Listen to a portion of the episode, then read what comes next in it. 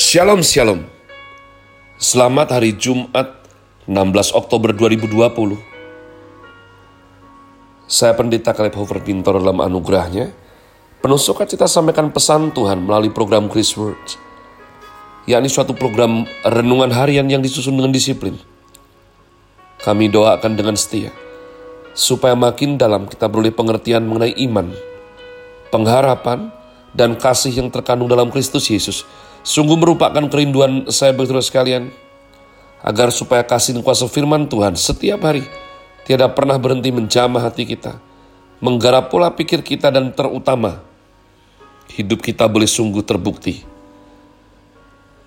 Makin serupa kepada Kristus Yesus. Masih dalam season winter dengan tema movement, Chris Word hari ini saya berikan tajuk Visi Tuhan bagian yang kelima. Visi Tuhan bagian yang kelima. Mari kita lanjutkan komitmen baca kitab suci hingga habis yang mana sesuai agenda. Hari ini adalah kitab Nehemia Fatsal yang ke-6. Nehemia Fatsal yang ke-6, pembangunan tembok diselesaikan, usaha-usaha membunuh Nehemia. Ketika Sanbalat dan Tobia dan Gesham, orang Arab itu, dan musuh-musuh kami yang lain mendengar, bahwa aku telah selesai membangun kembali tembok, sehingga tidak ada lagi lubang, walaupun sampai waktu itu di pintu-pintu gerbang belum kupasang pintunya. Maka Sanbalat, Sanbalat dan Geshem mengutus orang kepadaku dengan pesan, Mari kita mengadakan pertemuan bersama di Kevirim, di lembah Ono. Tetapi mereka berniat mencelakakan aku, Lalu aku mengirim utusan kepada mereka dengan balasan. Aku tengah melakukan sesuatu pekerjaan yang besar, aku tidak bisa datang. Untuk apa pekerjaan ini terhenti oleh sebab aku meninggalkannya dan pergi kepadamu?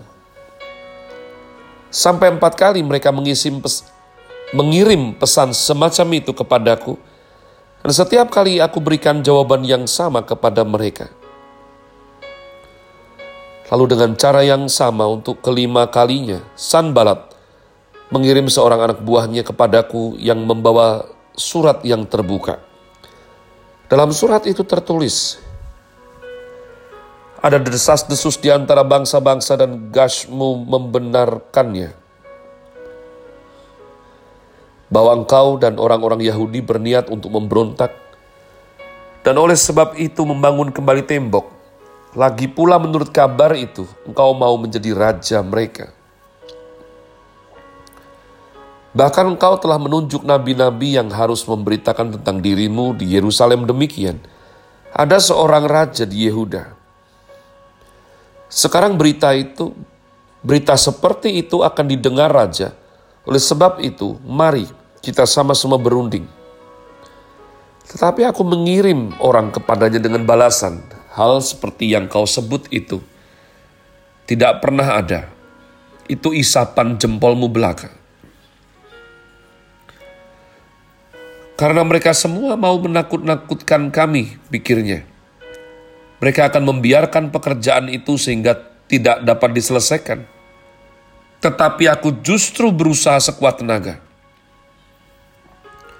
Ketika aku pergi ke rumah Semaya bin Delaya, bin Mehetabeel, sebab ia berhalangan datang, berkatalah ia, biarlah kita bertemu di rumah Allah, di dalam bait suci, dan mengunci pintu-pintunya, karena ada orang yang mau datang membunuh engkau.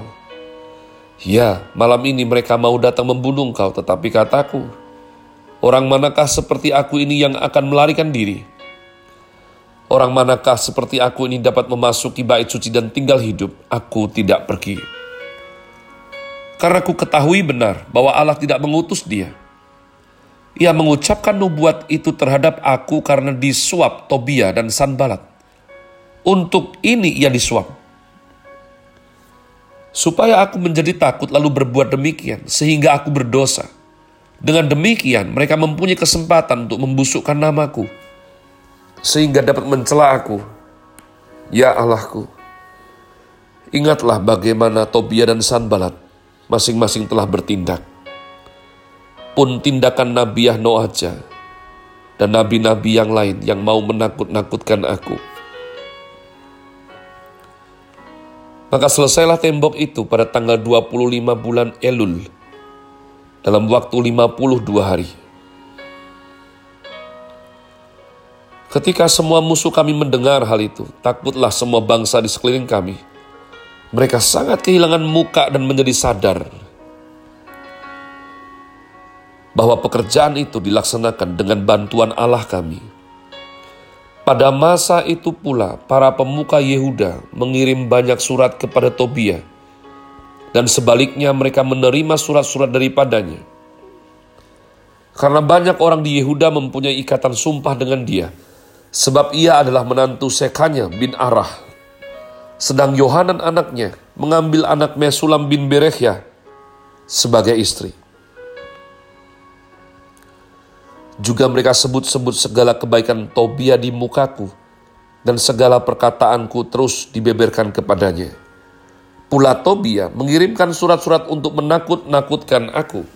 Umat Tuhan, uh, visi Tuhan ya kemarin saya katakan frase disuruh Tuhan, mendengar suara Tuhan itu sesuatu yang rapuh sekali. Bukan artinya rapuh secara ilahi, bukan. Justru kalau sungguh-sungguh disuruh oleh Tuhan, wow, unstoppable, invincible. Orang tersebut akan diurapi Tuhan, membuat sesuatu yang tidak akan bisa dihentikan umat Tuhan. Tapi rapuh sebab ini adalah frase yang sangat mudah diucapkan oleh siapa pun.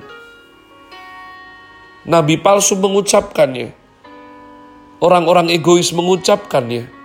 Oknum-oknum hamba Tuhan, pendeta-pendeta cinta uang mengucapkannya. Disuruh Tuhan, disuruh Tuhan. Saya sedih sekali mendengar ketika ada seorang pendeta di luar negeri disuruh Tuhan membeli private jet. Dan ketika private jet itu masih sangat bagus, dia disuruh Tuhan lagi untuk beli yang lebih bagus lagi. Apa yang kita lihat dialami oleh Nehemia ini? Ini merupakan suatu acuan yang membesarkan hati kita umat Tuhan. Yang sungguh-sungguh menerima visi Tuhan. Orang yang tidak teguh hatinya tidak mungkin bergerak dengan wibawa ilahi. Orang yang terus ragu-ragu, tidak mungkin umat Tuhan dapat memancarkan keteguhan hati yang luar biasa. Sebab ketika pemimpinnya ragu, yang dipimpin pasti goyah umat Tuhan. Jadi, di tengah-tengah intimidasi yang begitu hebat, pencobaan pembunuhan yang terus berjalan, bahkan dikatakan nabiah dan nabi-nabi pun disuap Tobiah turut mengintimidasi daripada Nehemia. Sungguh suatu situasi yang tidak mudah sama sekali umat Tuhan. Saya belajar demikian. Ya, kita tidak bisa memformulasikan daripada visi Tuhan ini. Kita harus dengar-dengaran. Kalau kau punya hubungan yang intim dengan Tuhan, hanya engkau dan Tuhan yang tahu kalau engkau punya, kau punya. Kalau engkau tidak punya, kau tidak punya. Memalsukannya berguna untuk dunia manusia, tapi tidak di hadapan Tuhan. Ya. Oh, kalau suatu pekerjaan terus-menerus dapat kesulitan, dihalang-halangi seperti Nehemia, itu pasti tanda dari Tuhan. Belum tentu, ma Tuhan. Belum tentu.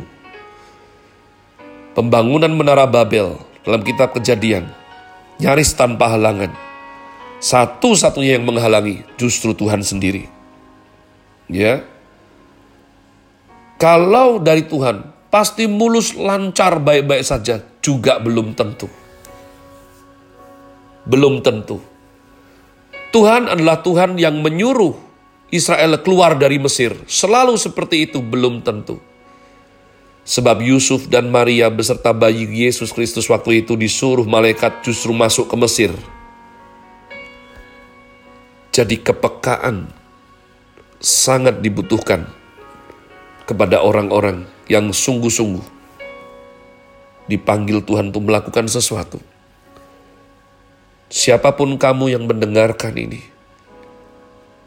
Jika motivasimu tulus, kau sudah sungguh tengok, lihat jiwamu, bahwa kamu tidak bikin ini untuk kepuasan egomu sendiri, atau untuk memuaskan hawa nafsumu, maka Tuhan akan provide, Tuhan akan menyertaimu, sampai sungguh yang diperintahkan untuk kau bangun itu menjadi sesuatu yang memberkati di generasi yang sekarang ini menarik umat Tuhan bahwa surat yang kelima yang dibawa anak buah Sanbalat yang berisi racun paling jahat, fitnah paling keji, itu berbentuk surat terbuka.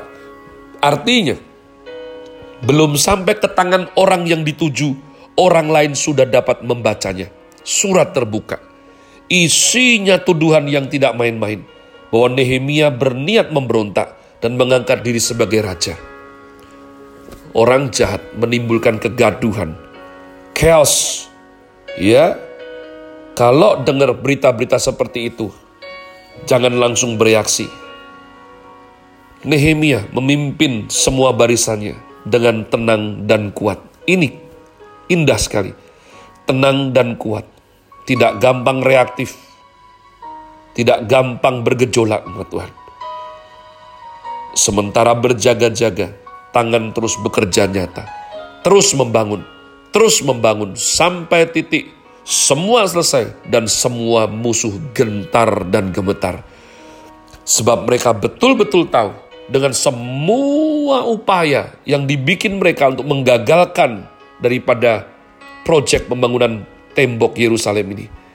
Kalau sampai berhasil, itu pasti campur tangan Tuhan semata Begitu jiwa orang-orang yang mencoba menghalangi Nehemia tadi sadar siapa yang beserta Nehemia. Firman Tuhan berkata bahwa mereka takut dan gentar. Mereka kehilangan muka dan jadi sadar. Saya berdoa sungguh. Jangan berdiri dengan takabur dan sombong. Seenak sendiri berkata mewakili ego dan hawa nafsu disuruh Tuhan. Hati-hati dengan frase tersebut. Namun juga jangan hidup dengan minder, dengan rendah diri. Kalau sungguh Tuhan mau pakai engkau, kuatkan dan teguhkan hatimu. Sebab tangan Tuhan akan membuatmu berhasil. Have a nice day. Tuhan Yesus memberkati saudara sekalian. Sola. Grazie.